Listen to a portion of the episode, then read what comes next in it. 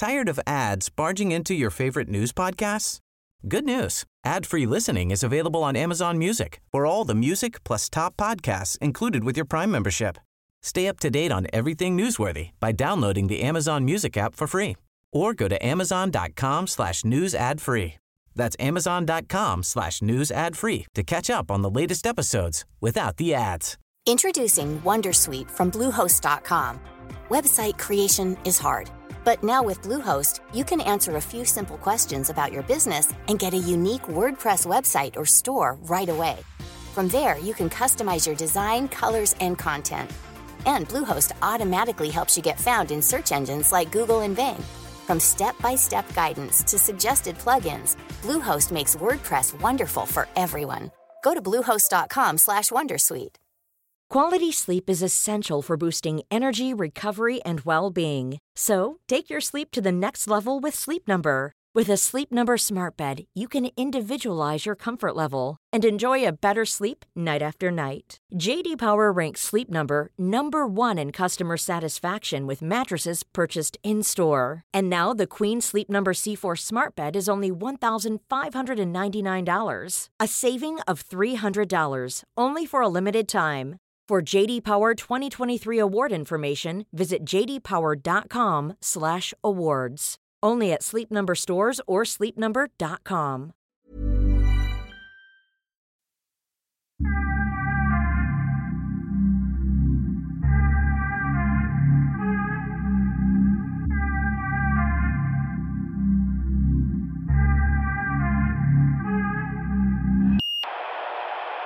Är du en strukturerad person? Eh, Jag kan vara det, men jag är inte så strukturerad eh, när jag skriver. Berätta. Nej, men alltså jag är ganska strukturerad i min tillvaro. Jag har en kalender, jag vet ungefär vad som jag ska göra på förmiddagen och vad jag ska göra på eftermiddagen. Jag skriver ner vad jag ska göra. Men när jag skriver så um, går jag ganska mycket på intuition. Många, det är nästan lättare att förklara motsatsen. Många spänningsförfattare skriver väldigt, gör väldigt långa planeringar, kapitelplaneringar och synopsisar. Så här, bestämmer vad boken ska handla om väldigt noggrant. För att de vet att de måste få ihop det på slutet. Eh, jag, jag fixar inte riktigt det. Jag blir ganska uttråkad av det. Jag måste liksom in i texten och in i karaktärerna och jobba mig in. Så att ofta blir mitt skrivande ganska ostrukturerat. Jag bara skriver på och känner lite vart det tar mig. Sen kanske ta en paus några dagar, planera lite, sen tillbaka in. Det, är, inte- det, är inte så, det är inte ett så planerat sätt att skriva. Det är ganska, ni vet den här romantiserade bilden av att eh, eh, författaren, det ska komma från hjärtat direkt ut i fingrarna liksom på något sätt. Det är faktiskt lite så. Ja, för din del. Ja, det måste vara lite så, för mig, för annars tycker inte jag det är kul. Jag får inget driv annars riktigt. Känner du andra författare som gör så? Som du ser upp till och har... Det finns några som gör så. Jag tror så här, Kerstin Ekman har berättat i någon intervju att hon gör så. Ofta är det kanske lite mer skönlitterära författare som gör så.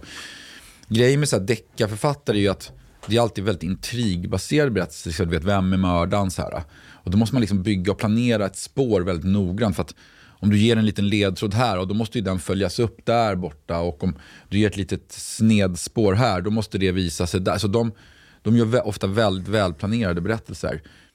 Men jag, jag är inte så fäst vid vem är mördaren. Det är inte så viktigt i mina böcker. Utan det viktigaste i mina böcker är så här, vad händer med människorna? Så här, vad händer med karaktärerna? Och då,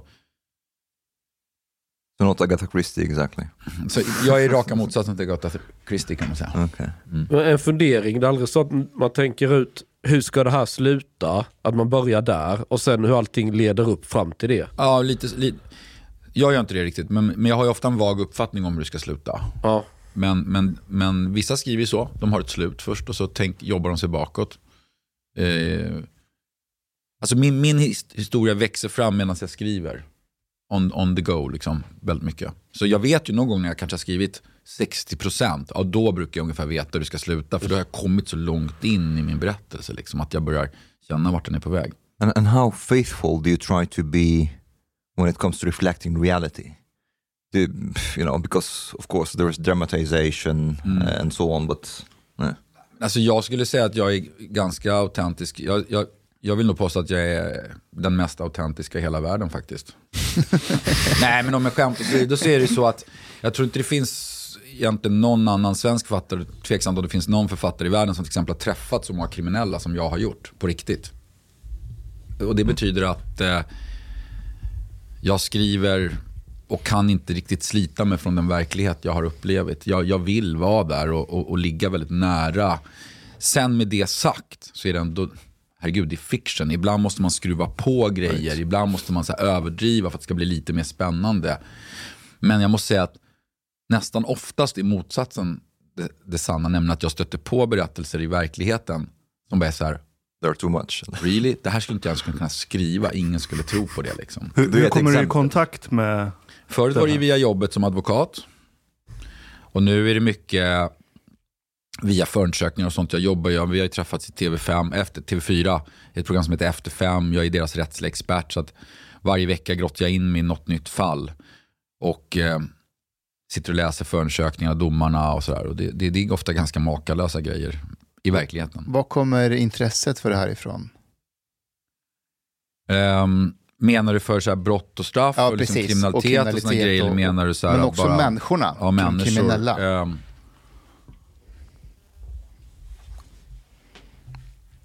det vet jag inte riktigt. Alltså, man har ju alltid storyn om sig själv. Liksom. Man skapar en så berättelse. Det här är jag och jag är så här på grund av det här och det här.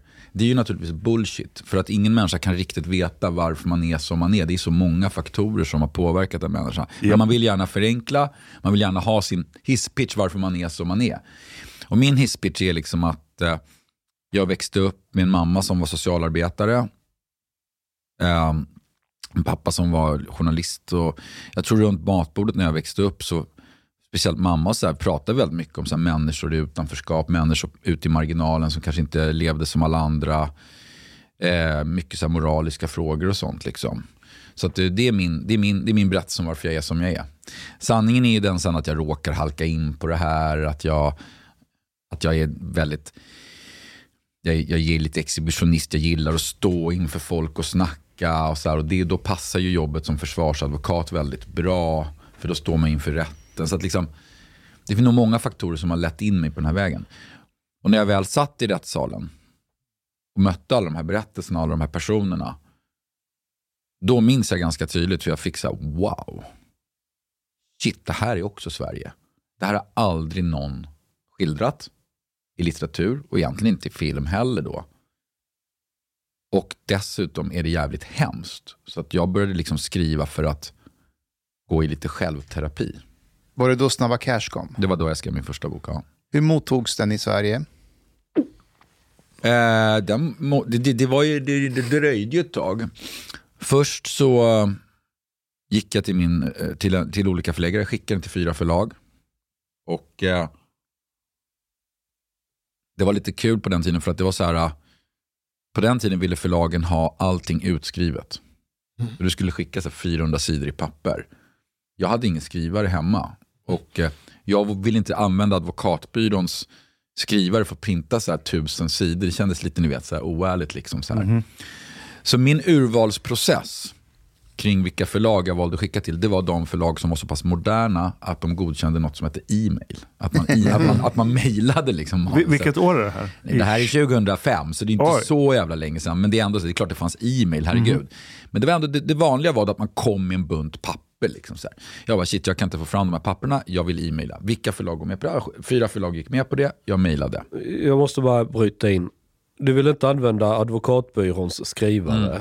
Det här har jag erfarenhet också av. Är du rädd att Skatteverket skulle komma på det via revision? Att, nej, nej, snarare att, att advokatbyrån skulle undra vad fan står du här och printar hela nätterna tusen sidor, vad är det du gör? Det är privat liksom. Eh, Skulle de verkligen ha problem? Vad, är kostnaden? 150 spänn för nej, den där? jag vet inte. Men, men i praktiken så är det ju också när vi, när vi jobbar med förundersökningar, alltså advokaterna vill alltid ha att vi printar ut allting. Ja, vi kommer till bebundna. Det blir dyrt. Fredagar så åker man runt och bara delar ut fuppar till alla. Alltid, och jag man hatar det där. Det var ju att man ville ha polisens uh, utskrifter för det blev för mycket print. Liksom. Man kan inte bedriva någon jävla printverksamhet. Liksom. Och jag kan inte bedriva någon utredning heller när jag håller på att vara ambulerande och dela ut fuppar hit och dit. Jo, det måste du göra. Vi vill att ni ska komma förbi. Vi vill också se vilken polis det är som håller i det, tittar i ögonen och liksom har lite koll. Så här.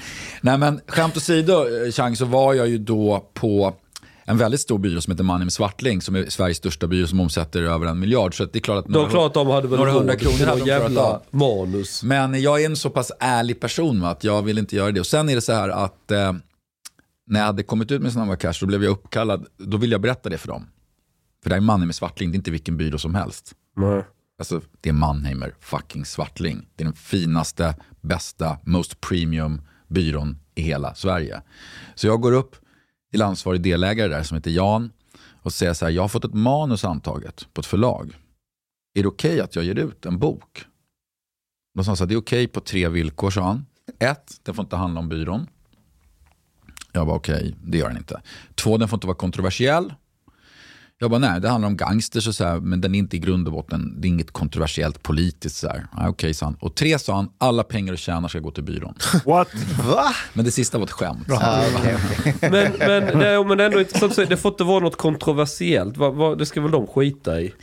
Nej, men är du på Mannheim med Svartling, det beror på vem du vill vara. Men vill du vara på en sån prestigefylld byrå som har de absolut största bolagen i Sverige som kunder, de absolut mest förmögna människorna, den absolut mest högsta stratosfären av industri. Men blir det inte tråk, blir det så tråkiga människor som Jag springer slutade med ju kaffe? där eh, sen då, ganska i samband med egentligen. Ja för det enda jag ser framför mig är sådana karriärsmänniskor som springer med kaffekoppen i korridoren och det enda de bryr sig om det är vad andra tycker och tänker om dem. Men Jag menar, ja och nej, men ja, det är superkarriärmänniskor. Det är superstreber. Alltså det är, usch, det är, har ni sett, jag menar vad ska man prata om? Det finns ju tv-serier som handlar om sånt här. Liksom, Suits. Suits Billions. Eller, billions. Eller den här nya, The Industry, när de jobbar nere på marken på så här investmentbanker. Och så här.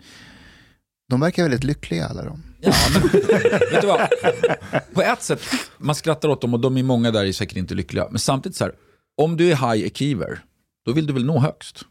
Men varför drar du inte igång en egen byrå då Ja, istället? det gjorde jag ju sen. sen Ja, nej, men jag tänker rent allmänt att ja, har man jätteambitioner då vill man Nej, väl... men ska du ha stora börsbolag som klienter, du kan inte sitta som en ensamlirare med två anställda. Det, det funkar liksom inte. Det, här, är- det är serious business det här. Det är liksom inte lalla, lalla hit och lalla dit. Det här är, det är verkliga grejer vi pratar om. Alltså. Du sätter bolag på börsen och du vet, det, är miljard, alltså det är inte en miljard, det är tio miljarder i transaktionsvärde. Det, det är stora grejer liksom. Det är inget man rattar lite själv. Sådär. har du hjälpt till att sätta bolag på börsen? och sånt? Självklart, självklart. Så det är dig jag ringer sen om jag vill börsnotera mig? Jag jobbar, jag inte, jag jobbar, sen jobbar jag bara med kriminella vet du. Så Ja, men jag säger ju det. Det är det jag ringer till. Det är det jag ringer till då ja. Men, men för att komma tillbaka till din fråga här boken. så, um, så kom den ut då i alla fall. Ett av de här förlagen godtog bo- boken. Då, som jag hade vilket förlag var det? Wahlström och Wistrand heter det. Eh, och eh, gav ut, de, de vi trycker liksom 3000 ex i liksom standardutgåvan på den tiden av en bok inbunden så här. Jag bara wow, så 3000 ex. Så här. Den kommer ut, det blir ingenting, inga recensioner, ingenting, inga tidningar. Mhm. Jag bara, fan men ni måste göra PR så här. Är det här Snabba Cash? Ja, det här är Snabba Cash. Det här är 2006 när den kommer ut.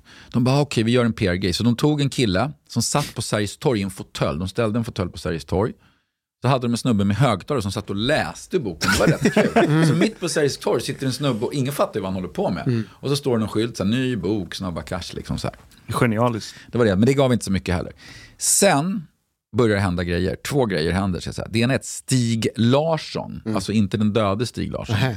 författaren Stig Larsson, den andra författaren Stig Larsson. Vänta, alltså, Vem är det? den döda eller vilka då? Nej, inte den döda. Nej, den, Men han var Ja. väl också Ja, författare? exakt. Förlåt. ja, Va, vad gör den levande Stig En levande Larsson? Stig Larsson som, som ju eh, också är författare och som är lite mer skönlitterär författare. Jag kommer inte på någon bok han har skrivit bara för det. Men, vet, Det han är finns ga- en levande person Han som är heter Stig. gammal nu i alla fall. Han heter Okej. Stig med I. Han som Okej. dog hette ju Stig med IE, Stieg Larsson. Så det är så man skiljer dem åt. Okej. Han skriver en grej på Expressen Kultur, på deras kulturkrönika eller kultursida där.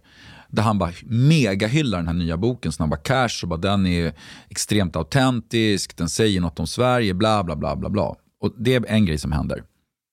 Och lite andra sådana saker. Recensioner börjar komma in. Och då börjar det ticka iväg. Och det, det var då det började liksom. Jag kommer ihåg när jag, när jag läste den att ehm, det var verkligen så här, är det här, är det här Sverige? Mm. Eh, fast ändå att man, ja ja, det här är Sverige. För att man, man kände igen en del.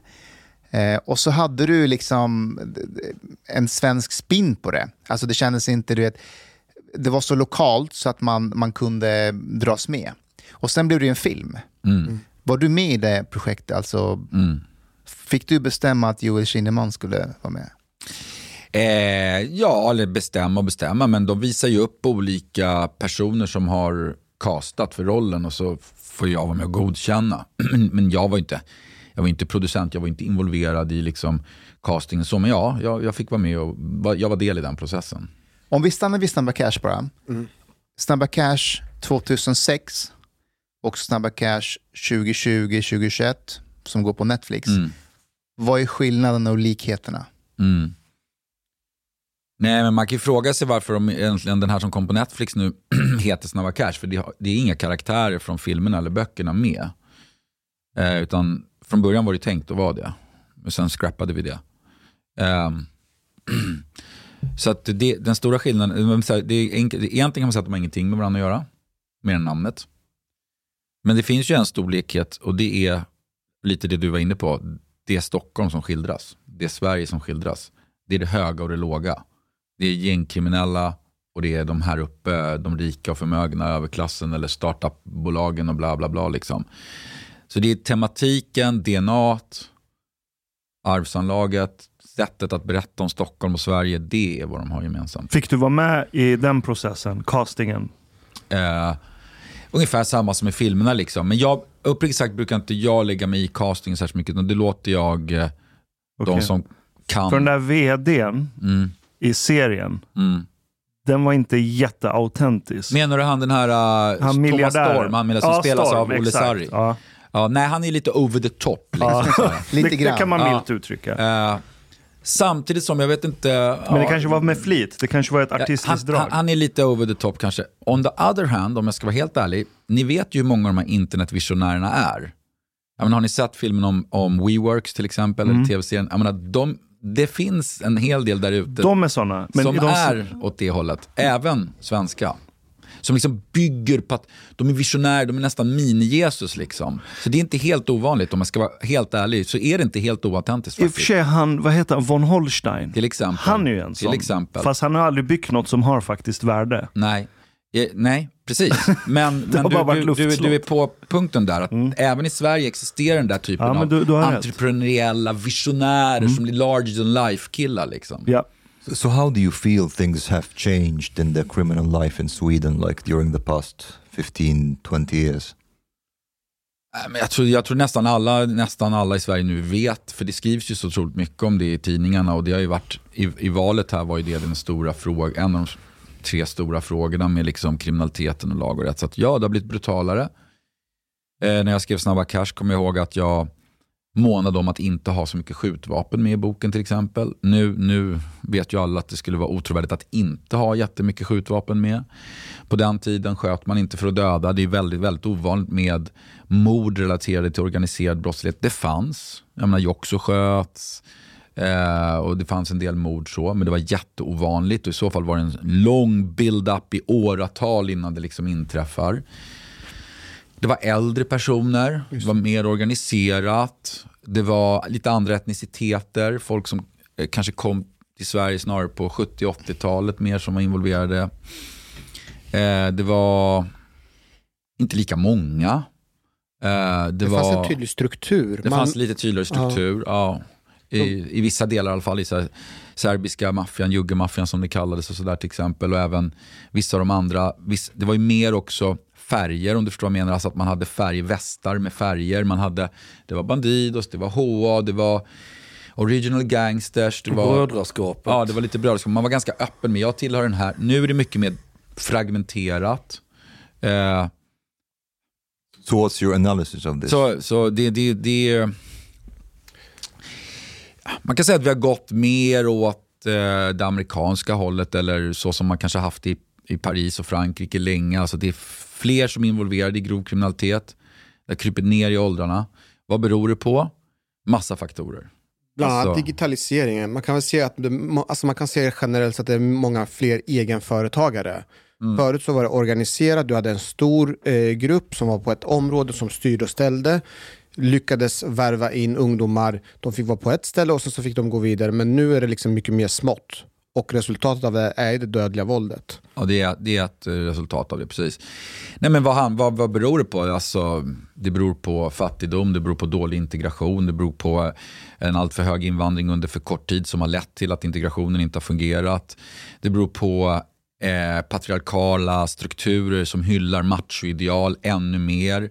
Det beror på utanförskap, att människor känner att de inte har en chans att komma in på arbetsmarknaden.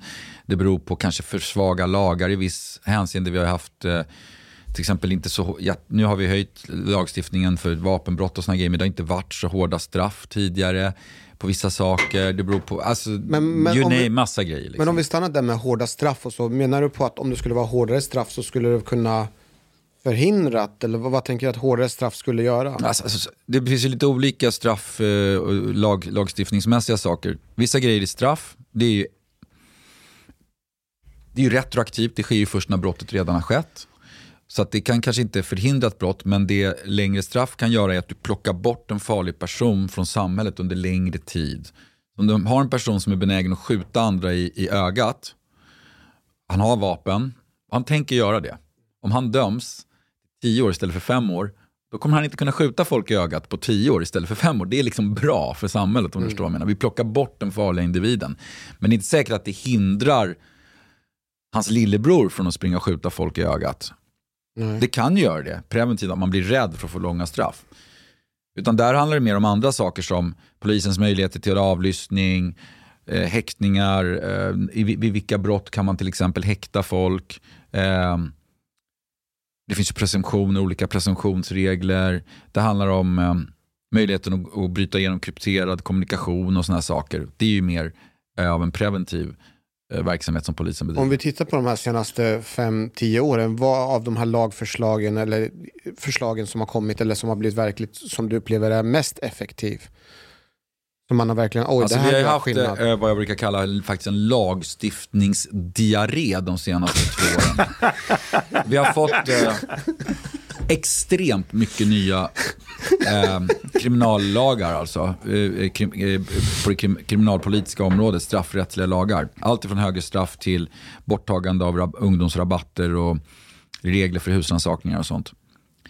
Eh, jag skulle säga att eh, det, mest, det här pratade du och jag om, kommer ihåg. Jag tror att det, det är en grej som redan finns möjligheter till i svensk lagstiftning som men, men som skulle behöva användas mer. Det är att myndigheter kan kommunicera med varann. Ofta vet kanske socialtjänsten något som polisen inte vet och polisen vet något som socialtjänsten inte vet. Och eh, myndighetsgemensamma insatser brukar vara rätt effektiva och om vi delar med oss av information så kan både polis och socialtjänst och skola arbeta mycket, mycket effektivare än om de är blinda och inte känner till massa saker. Och här tror jag att det har varit så att det egentligen finns en lagstiftning som är bra, men att många av tjänstemännen, framförallt kanske inom socialtjänsten men även polisen, inte vet vad de har rätt att göra och dela med sig. De är lite rädda helt enkelt för att göra fel. Och eh, det tyvärr leder ju till att människor som kanske borde omhändertas till exempel inte gör det. Mm. Jag läste någon artikel nyligen att det var någon polis som eh, anmälde sig själv för att, eh, jag tror att det var någon eh, ungdomsutredning. Eh, och eh, när de hade utredningen så läckte han ändå information från förundersökningen till socialtjänsten för att han visste att socialtjänst, vad socialtjänsten skulle vidta för åtgärder. Och då läckte han den här informationen för att de skulle vidta åtgärder snarare än vara lojal mot utredningen. För utredningen resulterar ändå inte i någonting eh, matnyttigt men socialtjänsten kan gå in och ingripa och ja, vi får se ifall det kan bli mer Men sådana. det är en viktig grej, liksom att man samarbetar. Om det krävs ju krafttag för att komma till rätta med den här problematiken. Jag har inte hört någon i Sverige säga att nej, men jag tycker vi ska fortsätta med att man inte ska prata med soci- mellan socialtjänsten och polisen. Det Nej. verkar som att alla är överens om att den här sekretessgrejen ställer till det. Mm. Varför tar det så lång tid att... Nej, jag tror som jag sa egentligen att lagstiftningen redan finns där. Utan jag tror det handlar om att utbilda och vara ganska tydlig med vilka riktlinjer som gäller för de som jobbar. Och där, där, verkar, där, där vet jag inte varför man inte har varit det faktiskt. Vi har ju, alltså, eh, om man ska de- just nu idag, om man ska dela information som är sekretessbelagda inom socialtjänsten så måste man ha antingen föräldrarna, vårdnadshavare eller barnets medgivande. Om barnet är över, jag kommer inte ihåg ifall det är 12 eller 15 år, det kanske du har bättre koll. Nej, jag kan inte Eh, men det i sig gör ju det väldigt ineffektivt, för om föräldrarna inte vill medverka, om föräldrarna inte vill släppa på sekretessen, då, då kommer inte socialtjänsten kunna släppa på sekretessen. Då kommer inte de kunna dela information med oss.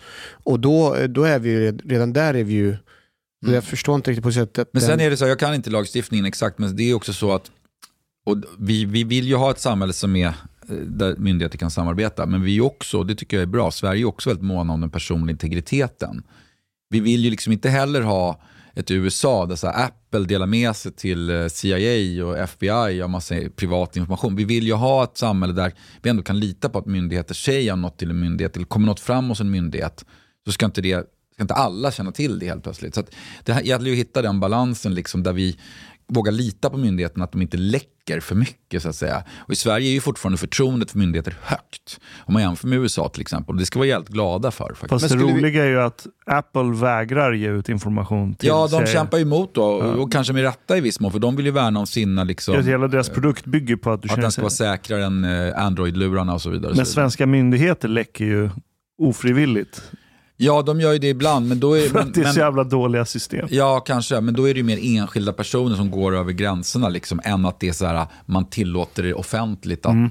Så det, där, det är en balansgång. Jag, jag kan inte svara på varför det går så trögt. Skulle vi kunna ha Taiwan då? Det är ändå ett av världens säkraste länder om inte Kina går in där. Men, men jag var på en konferens där det var några från, eh, två från Taiwan där det handlade om eh, eh, våldsbejakande och vapenvåld och sådär. Och de två från Taiwan, de var verkligen, de, vi, har, vi har kameror i varje hörn. Mm. De ser oss hela tiden. Vi har inga problem med det, för det är säkert där. Vi har ingenting att dölja.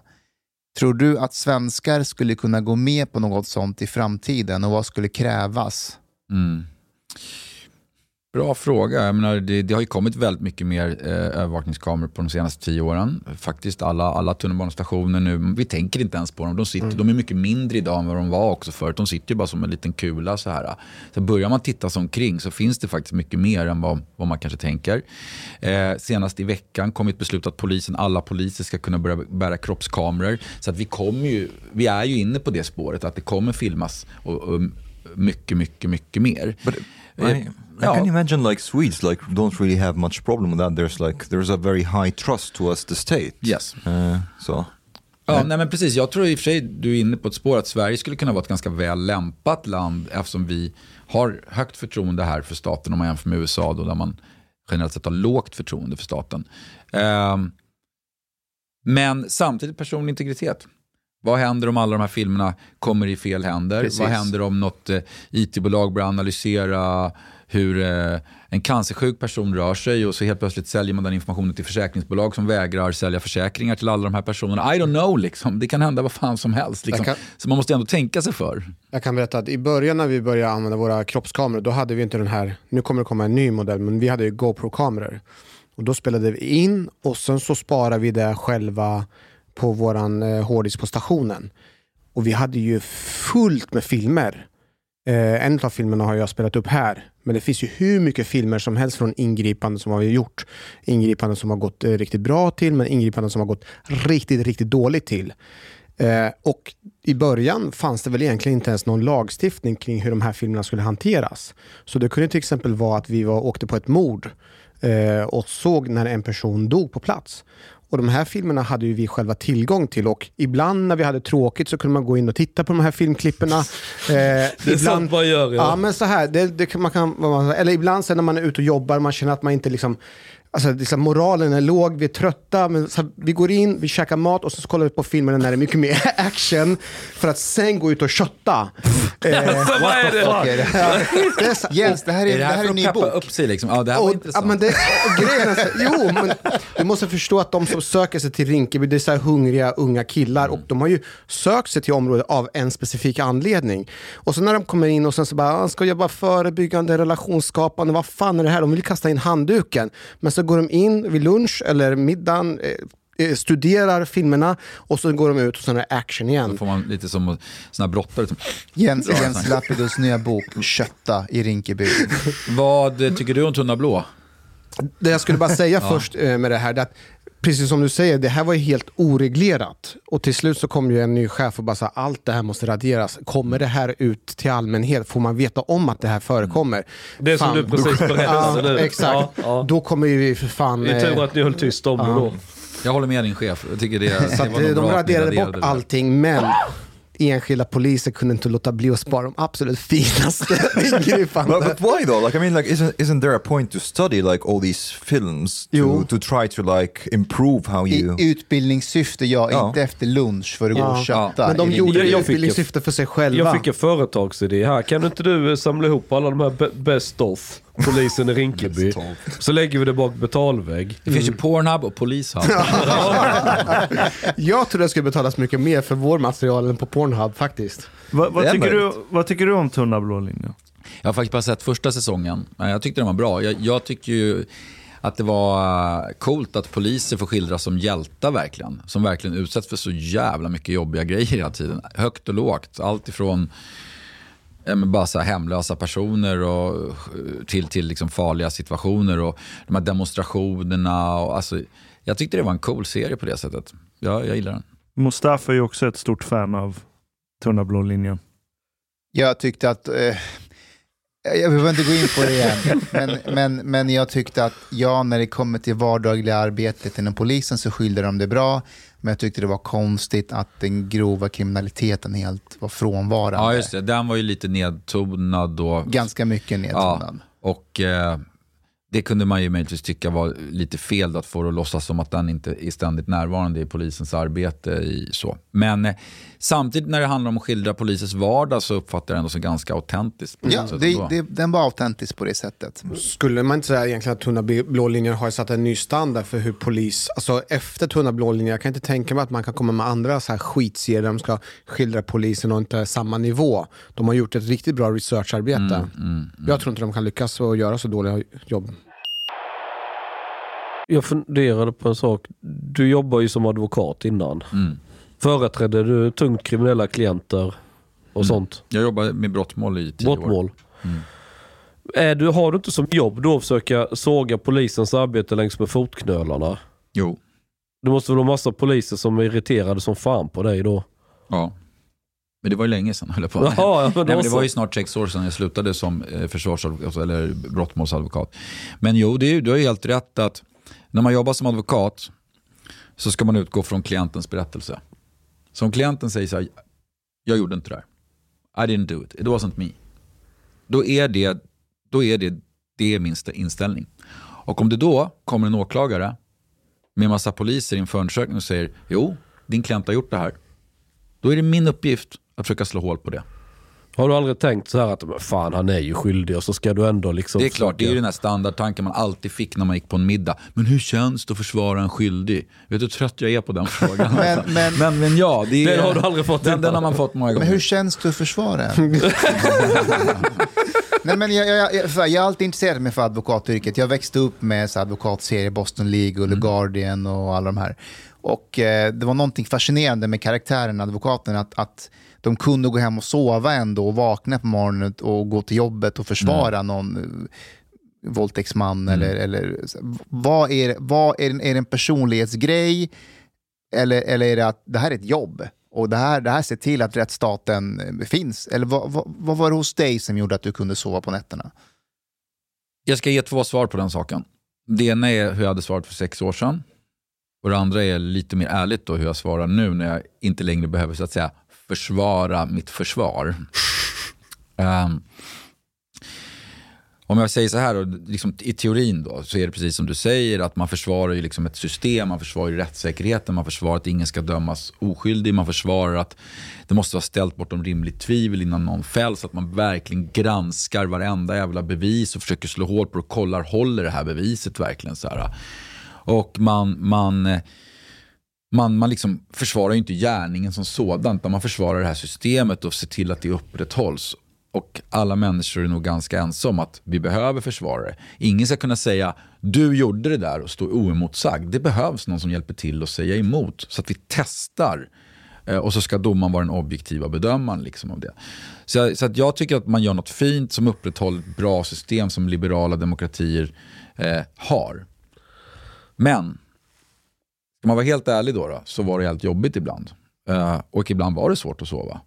Speciellt om det var mål som grep tag i en som kanske barnmisshandel eller tortyr, grova liksom misshandelsgrejer som var jävligt vidriga. Eller, eller våldtäkter och sådana grejer. Av någon anledning kunde det vara värre än mord liksom ibland på något sätt. Och eh, det var svårt och där tror jag att jag fick ett hå- förhårdnat hjärta. Ni vet som, som poliser som kanske jobbar med, att, eh, med, med grejer. Det blir liksom som att det blir lite så här, eh, mindre jobbigt efterhand för att man, blir lite, man får tjock hud helt enkelt. Att, att någon har fått en smäll på käften, det är till slut inget, inget man tycker, det skakar man lite på axlarna åt och tycker bara de allra värsta grejerna är, är jobbiga. Liksom. Man vänjer sig. Eller som, eh, så att, ja, jag fick ett lite hårt hjärta. Det är det ena. Det andra är att jag tror man måste vara en vinnarskalle. Man måste liksom lite grann också vilja vinna bara för sakens skull. Är du Eh, en sån? Ja, lite liksom. Och man måste också bli lite arg liksom. Så här på åklagaren och snuten och bara, vad fan, kom inte här och snacka massa skit om min klient. Man måste bli lite så på något sätt. Men om, om vi stannar där med vinnarskalle, å ena sidan, men å andra sidan om man blickar, jag tänker mig om man försvarar för de tungt kriminella som om och om igen eh, ställs inför rätta och i många fall man presenterar bevisning efter bevisning. Och det är liksom Många tycker det här står eh, bortom rimligt tvivel, men ändå i slutändan så frias på grund av någon hypotes, för, eh, liksom, tes att ah, men det kunde vara Molgan eller Molgans vän eller någon som kunde komma och fixa det här. Jag funderar på, sätter det inte någonting i huvudet på när man går hem den dagen och säger så här, fan den här killen var egentligen, han skulle egentligen Ja, men det kanske, är- man kanske tänker att- så här, okej, åklagarens bevisning var jävligt stark, så att ja, han var nog skyldig. Mm. Men jag upprätthöll en fin princip idag. Okay, th- Och den här actually- principen har fått oss dit vi är But, idag. but this is actually this is a good point. Like a lot of people, like it's good with the principle hellre fria än fälla. But some people say that it's too much or unreasonably tilted towards fria. Poliser brukar ju gnälla om det. Orimliga tvivel, det, är det krävs Sagolika. But, but, but is it, is it not possible that judicial system right now is actually too much like Alltså, i detaljer kanske ja, men i grundprincipen nej. Jag menar, om jag gör en undersökning här, tycker ni att man ska kunna fälla någon fast det finns rimliga tvivel? Tycker ni det? Man ska kunna fälla någon till livstid fast det finns tvivel? Men det beror på hur du definierar tv- tvivel. Ja, men Det- det, det finns, det, vi säger men- så här då, det kanske inte är han. Pöbeln det, behöver ju någon bakom lås och galler. ja, men är det rimligt då? Att pöbeln ska få sätta någon bakom lås och gammel fast det inte kanske inte är han? men det finns ett jättebra exempel från... Ja, men ta Lite uppdrag, svinn får man väl räkna Uppdrag med. granskning gjorde ju en ja, granskning för några veckor sedan. Där det var ett case där det var en person som kunde kopplas till mordvapen med blodfläckar på jackan, vittne som hade sett personen var där. Allting passade in. Och så sa den här anklagade då att nej, jag lånade ut min pistol och så skedde det här och sen kom det någon fläck på mig. Allting pekar. Så det finns ju fortfarande ett litet tvivel. Det räcker. Det är det. Va- Varför ska det finnas, varför ska så lite And, tvivel and Hanif, you, you, said like one example, I think they found the fingerprints of somebody on a grenade or something. Ja, det stämmer. So, uh, and, Men and helt then it's ärligt, menar du allvar? Fingeravtryck vet ju alla kan avsättas. He- Helt, helt ärligt, vi tar den här historien då. Du lånar ut din lur till någon.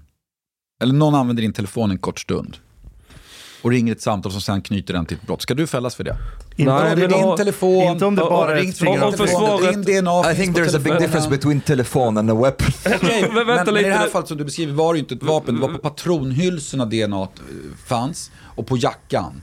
Eh, jag menar, on, jag menar, ja, chansen kanske, det låter, jag, jag kan inte säga, det där målet har gått upp till HD om vi pratar om samma mål, så det kommer få en slutlig avgörande upp i högsta domstolen, vilket är sjukt ovanligt att bevismål går upp till HD. Det här är första gången på tio år det ens händer. Men eh, det är liksom, eh, vad jag försöker säga är bara så här att jag tror ändå, okej, var går gränsen för vad som är ett rimligt tvivel? Är det 95% eller 98%? Det kan vi alltid diskutera. Men grundprincipen är, är, är, måste, tror jag ändå att ni, fast Jo. ni snackar mot mig nu, är överens om. Nämligen, man kan inte fälla någon om det finns tvivel på att det är Nej, exakt. Det är ju Har- har fan ni- idioti. För om vi ska ta det omvända när det gäller personer som blir fällda för våldtäkt och sådär. Där skulle vi ju aldrig, alltså vi skulle tycka det är så jävla orättvist. Ja, Han har exakt. blivit fälld för Någon våldtäkt. säger att du har någon gjort har sagt det det här. någon Ja, har sagt det här och så, så blir kom fälld. Ska det där, räcka, är vi ju, eller? där är vi ju överens om Har att det man... inte räckt i många fall i allmänheten? Så jag menar, efter metoo så är ju... Det krävs ju stödbevisning, det har högsta domstolen sagt. Men den stödbevisningen kan till exempel vara att den som har utsatts för våldtäkten eller påstås ha blivit utsatt har berättat för någon annan. Vilket direkt, betyder att man, direkt efter. Alltså en vän, man ringer en vän Ja, direkt efter. Så det är ju egentligen stödbevisning, men det är egentligen från samma ju- källa bevisningen det är ju kommer. skitenkelt Okej. att fejka. But we can also reverse it a little bit. Do you think, from the point of view of the victims and of society in general, that you should free somebody when there is very reasonable grounds for you to think that they committed that crime? Absolut. Det är självklart. Om det finns reasonable, det finns reasonable, men det är inte, det är inte riktigt tung reasonable, det är inte bortom all. Det finns fortfarande tvivel. Vill du att vi ska fälla någon som kanske har gjort det? Skulle du som brottsoffer kännas bra att den verkliga mördaren gick fri? Nej, men kanske, kanske inte, men någon som 99.9% Men då fäller man. Ja. 98% är regeln om man ska sätta procent på det. Det gör vi aldrig i rätten, men det är ungefär 98%. Så att ja, är det 99,9 fäller man i Sverige. Hur- hur räknar man det. fram 98? Nej, men jag säger det, man säger aldrig procent. Men för Aha. att ni ska förstå ungefär vilken grad av säkerhet som behövs, så säger vi ungefär 98%. Okay, is, isn't there a point like okay, okay, fine, fine. Isn't there a point to make it like right now when the situation is so bad to make it 95% is- instead of 98%? Det är egentligen det vi pratar om. Men vi är alla överens om att det ska vara jävligt starkt i alla fall. Ja. Ja. Jag vill ha 95, jag vill sänka det från Men okej, 99 till Om du vill 95. sälja från 98 till 95, det Ja. kan vi diskutera. Men 5% chans att den verkliga mördaren går fri, det är ganska Precis. mycket. Har ni sett, eh, är en av making, 20. har ni sett Making a Murderer? Jag har hört talas om den. på Netflix. Ja. Making a Murderer. Det är de här två som... ehm, eller, det, det börjar ju med att han blir fälld för ett mord som han inte har begått. Och sen massa år senare så hittar de bevis på att det inte var han, så han släpps fri, han får massa miljoner från staten. Och sen mördar han. Och sen blir han anklagad återigen för ett mord, eh, han och hans kusin, och så sätts de i fängelse och, och, ser, och sen handlar det om att det inte var de, nu är de återigen anklagade för ett brott. Men grejen är att mycket tyder på att han och hans kusin hade begått det här mordet på den här kvinnan och hade våldtagit henne. Eh, men de, han hade inte gjort det första gången. Men någonting hände med honom i fängelset så han, eh, och han åkte dit. Och jag menar att han, när man ser den dokumentären så är det han borde ha friats. Därför att polisens arbete är så pass undermålig i den utredningen så att han har gjort det med stor sannolikhet. Han är skyldig. Men, men polisen där har någon vandetta mot honom för att de tycker att han kom undan första gången. Så de gör massa skumma saker i utredningen. Och säg vad man vill, men nej, han, han borde ha friats. Mm. Jag tycker, det går alltid att diskutera fram och tillbaka, men jag tror det stora problemet är, om vi ska titta på juridiska grejer, det är inte att vi friar folk för lätt. Jag tror de principerna måste vi ha kvar. Det ska vara jävligt, krävas jävligt mycket för att det ska vara bevisat att någon har gjort något. Det kan vi inte tumma på, det blir idioti tror jag. Däremot så kan man fundera på de möjligheter polisen har att få fram bevisning. Att vi kanske har blockerat de möjligheterna lite väl mycket. Om vi tar det här med till exempel Encrochattarna, ni kanske har pratat om det tidigare, men det är ju liksom ett ganska tydligt exempel på när så fransk polis kunde minsann ta fram en jävla massa bevisning som har lett till, hur många tusen år i fängelse har det lett till? Ja, Liksom? det- Jag menar, det är det mycket liksom. orimligt, ja. 1500 år i fängelse för svenska kriminella. Men det hade inte svensk polis fått göra. Och där kan man ju börja fundera så här, Men är det, är ju är ni- det vettigt? Och där är ju ni säger jag, men advo- advokatsamfundet är ju, så som jag uppfattar en av de största bovarna. För, för förslag efter förslag har man lagt fram kring olika typer av åtgärder. Men då kommer ju eh, remissinstansen från advokatsamfundet, ah, men det påverkar rättssäkerheten. Och är, samma sak var det med kameraövervakning, samma sak där också. Så att jag uppfattar att, jag vet inte vad du tänker, men just den här idén om att rättssäkerheten och idén om det gör att vi inte är där vi borde vara. Vi borde varit där för typ 20 år sedan. Ja, det finns ju många som säger att Sverige har ju släpat efter då Danmark och Norge till exempel när det gäller en hel del sån lagstiftning. Men det är ju alltid vågskålar som ska vägas mot varann. Vi vill ju inte ha helt rätt och säkert. Som ni själva är inne på, ska någon komma med någon våldtäktsanklagelse och det ska man bara ta för gott. Utan att det, alltså vi, vi måste ha rättssäkerhet. Varje bra, gott samhälle kräver rättssäkerhet.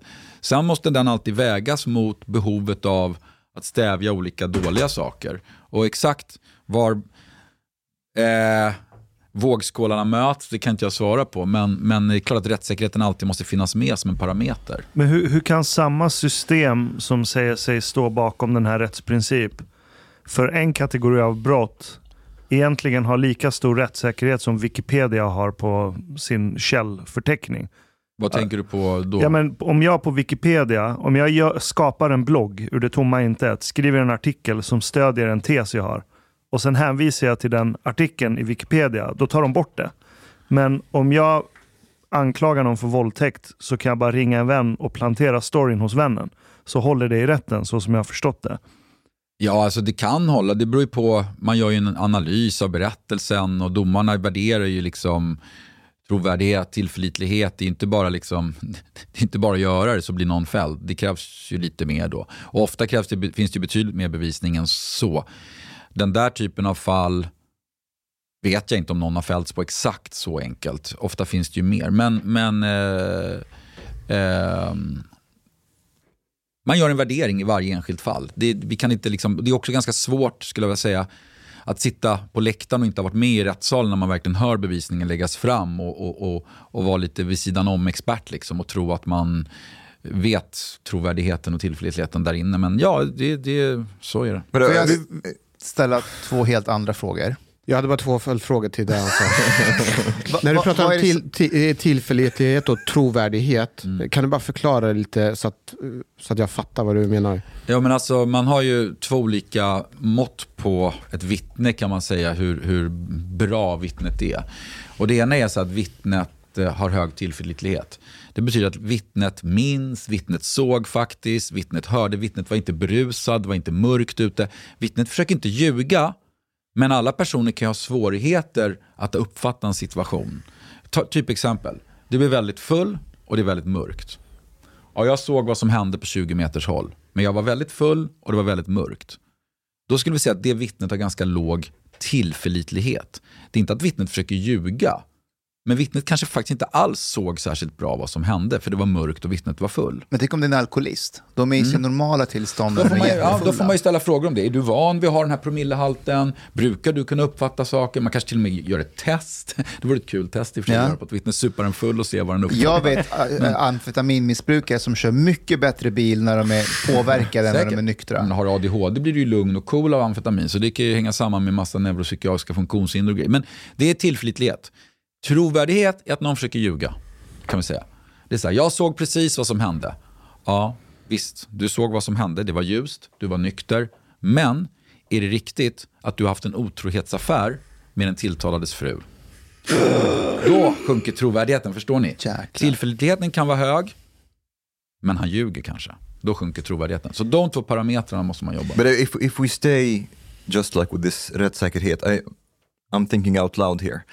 Can there sometimes be a contradiction between rättssäkerhet and justice? Självklart. Uh, so, like if you, if talking about making a murder, or if you know that someone is a rapist, generally speaking, um, maybe if you know that, if you know that he's a rapist and he couldn't like prove it, uh, and like have him end up in prison in, in a few cases, and you were able to like kind of maybe okay this time i can get him even if i'm not like entirely sure that he did it this time but i'm entirely sure that the other cases he did it. And the same thing with gang criminals for example.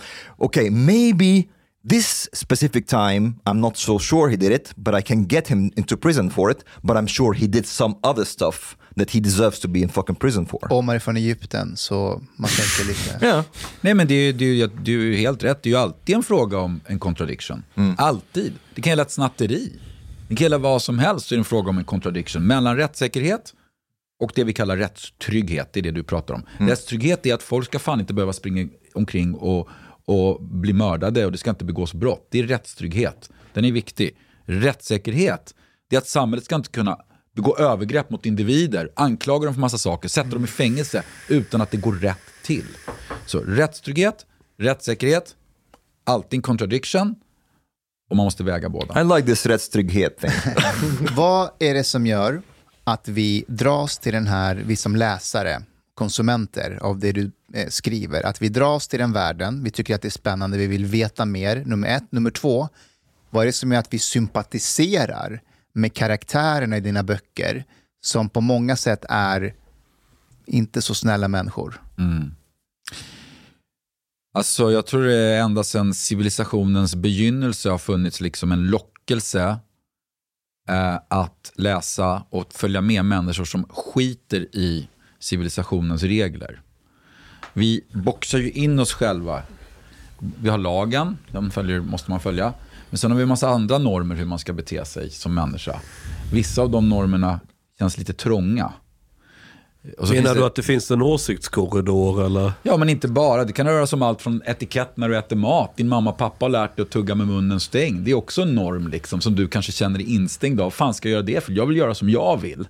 Så att, ja, allt ifrån åsiktskorridor som kanske rör lite mer politiska åsikter om man säger så, till eh, alla normer vi, vi, vi, tut, vi, vi, vi fångas av, kan vi säga. Vissa känner sig instängda i det.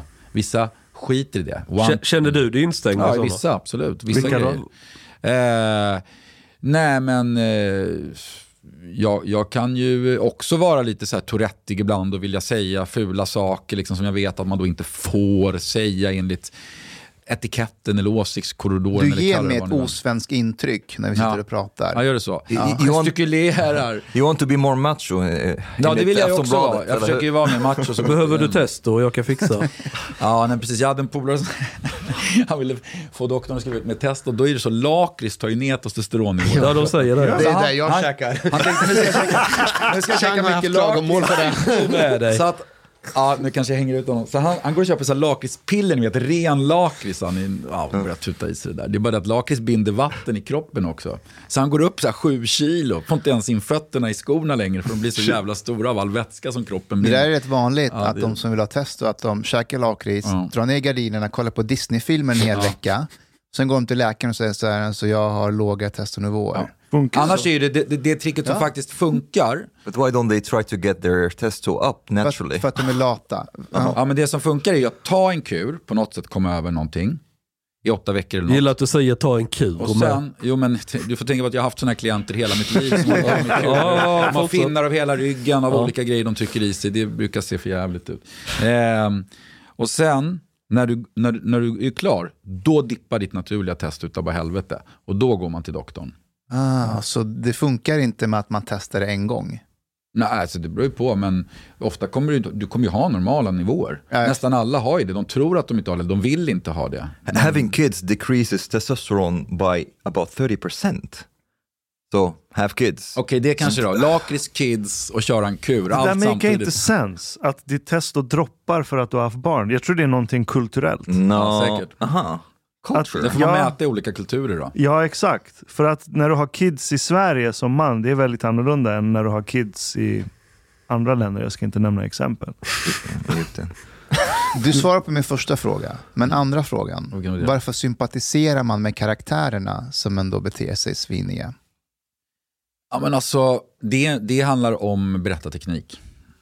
Och det handlar om att jag tror på, och jag tycker det har vi också sett i tv-serier de senaste 20 åren, sen de här riktigt bra tv-serierna började komma, med Sopranos och The Wire och det här, de här gamla godingarna och fram, framåt, så handlar det om, tror jag, att skildra människor, hela människor, i, i tre, dim, tre dimensioner. Inte bara this is the bad guy, och så en platt skildring av en eh, riktigt jävlig typ och, som tycker dåliga saker, gör dåliga saker och dessutom är ful. Ni vet, så här. Disney. Det, det är, liksom, det är det, det gamla sättet. Ett mycket mer intressant sätt är att på riktigt sätt försöka förstå och skildra även den som begår grova brott som en hel människa. Och jag säger inte att när man läser mina böcker att man ska sitta och tänka sig att de gör rätt. Men man kanske tänker, fan, jag fattar. Eller så här, jag kanske skulle gjort likadant. Eller But något he- sånt där. Something interesting. Have you seen Breaking Bad? Såklart. Huh?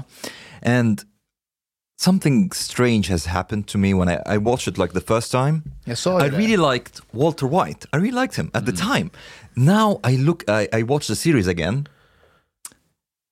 I can't sympathize with him at all. Du har förlorat testo. Nej, inte, I think nej, it's nej. just Andra something. Nej, men jag håller med. Jag, jag såg den för exactly. sedan. Sen såg min 14-åriga son om den nu i somras. Vi bilade i USA. Han satt, hade laddat ner offline då och satt så här hela tiden i bilen. För vi åkte långa sträckor eh, längs hela östkusten. Och jag kände samma sak som du säger när jag tittade lite. Och jag tror det är för att man vet lite mer vart han, vart, vem han kommer bli. Men när man är där och ser det för första gången, då är man verkligen i hans situation. För han är jävligt pressad från alla håll, han tror att han har fått cancer. Då är man så här, men, men sen vet man ju, han fick ju inte cancer. Han dog ju inte av det. Alltså det, att det kan ha att göra att du vet hur historien slutar. Och han får gång på gång chans att sluta med Ja, det han gör, ja. för han har fått redan ekonomin för sin cancer, råkar försörja sin familj, men han fortsätter. Han är ju narcissist Yes. andra Ja. gången man Yes. tittar. För då vet man. Yes, Ja, exactly. Ja. Det är Yes. narcissismen som kommer Ja. fram. It's like you see how abusive he can be, how like uh, uh, petty he Men can första be. gången så leder ju manusförfattarna oss fram i mörkret och då, är det, då vet vi inte vad, what's Mm. coming next och därför blir det en annan karaktär. Eh, jag älskar Sopranos och Tony Soprano-karaktären, eh, när man ser den, man älskar ju honom, man sympatiserar med honom, men han är ju en riktig sociopat. Han är manipulativ, han är våldsam, han, han dödar människor och så vidare. Men jag tänkte alltid så här, varför sympatiserar jag med honom? Varför hejar jag på honom halvt? För det ska gå bra på honom. Och en sak som jag upptäckte med Sopranos, och som jag också kan applicera på andra serier liknande karaktärer, det är att de är svin, de dödar, de manipulerar, men Tony Soprano slår aldrig sin fru. Han slår aldrig sina barn. Det gör de andra karaktärerna i serien. Walter White slår aldrig sin fru, slår inte sina barn. Eh, har, har det någonting med saken att göra? Att, att du kan vara svin, du kan, du kan skita i alla regler, men det finns vissa saker som du inte bryter mot. 100% tror jag.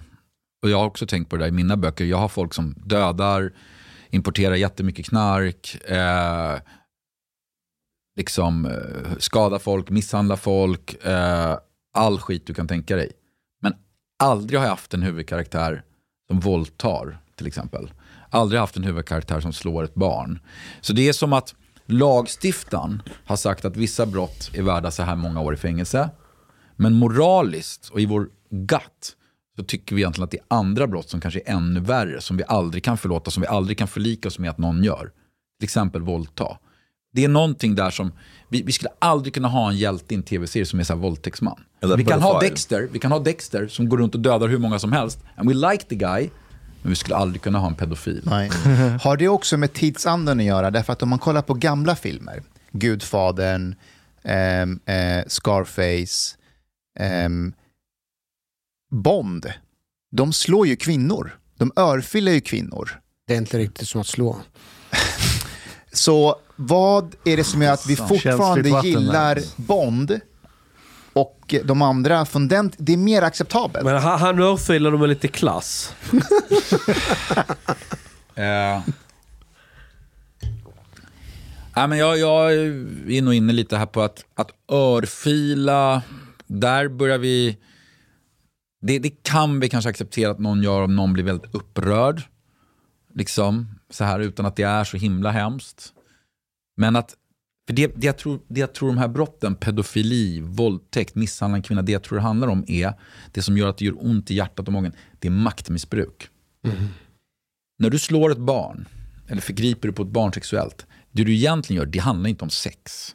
Det handlar om att du är makt, du är ett rovdjur som utnyttjar att du är starkare och har makten över det här barnet. Och jag tror det är det som gör att vi mår så jävla illa av det. Och om Bond, jag, jag minns inte vilken film han gör det om, men eller någon, Eh, bara blir så, jävla, blir så upprörd att han gör så här lite snabbt. Det är inte nödvändigtvis att utnyttja din övermakt på det sättet. Men om man hade brottat ner kvinnan, utnyttjat sin makt som man, sin överstyrka och örfilat. Det finns ju Directors Cut. Okej, i så fall är det för jävligt. Då ska jag sluta kolla. Bond är ju, jag menar, han finns ju But actually, this is a Vad good ska point. hända med Finns Bond? det på riktigt i Directors? Nej, det- No, but actually it's a good point. Like maybe uh, you know in, in Godfather, Michael Corleone, he, he the only Exact. time that he be like slapped his wife when he found when she told him that she aborted his boy um, on purpose. Och det är mänskligt. Alltså att, att, att mannen Vilket? är Att mänsklig. abortera eller? Nej, nej, men alltså att man, man reak, reaktionen Jag att man slår. Att slå någon i det läget, det är fel. Men det är inte ett uttryck för maktmissbruk. Det är inte ett uttryck för att du utnyttjar din övermakt över Right. en annan människa skulle jag vilja påstå. Intressant. I ett av eh, avsnitten i Sopranos så kommer det fram att en av kaptenerna är homosexuell. Och Tony är den enda som är för och vill att man ska låta honom vara i fred. Hade han varit emot det, jag lovar att vi som tittare hade fått eh, antipati för honom. En fundering. Eh, Saul Goodman. Kan, eh, är det en bra förebild om man vill bli advokat? jag känner att han är att Jag ser upp till honom eh, faktiskt. Han är extremt skön karaktär. Och det är, är så Okej. Du har lyssnat så här långt. På sista måltid. En mycket fin radioprogram i Sverige. Du tycker det är mycket trevligt. Men, min vän, lyssna på mig nu. Du har inte betalat biljett på klubbista måltid. De har blate grabbarna de behöver pengar. Flis. Lax. Stolar. Dirabilar. Lyxhotel. Du vet. Då måste du betala om du ska lyssna mer. Du får många fler avsnitt också. Paket erbjudande, helt enkelt. Läs i beskrivning för avsnitt, där det finns information för att bli medlem på klubbista måltid. Det kostar som en mycket liten kaffe latte ute på torget. Per månad. Lätt som en plätt. Tack,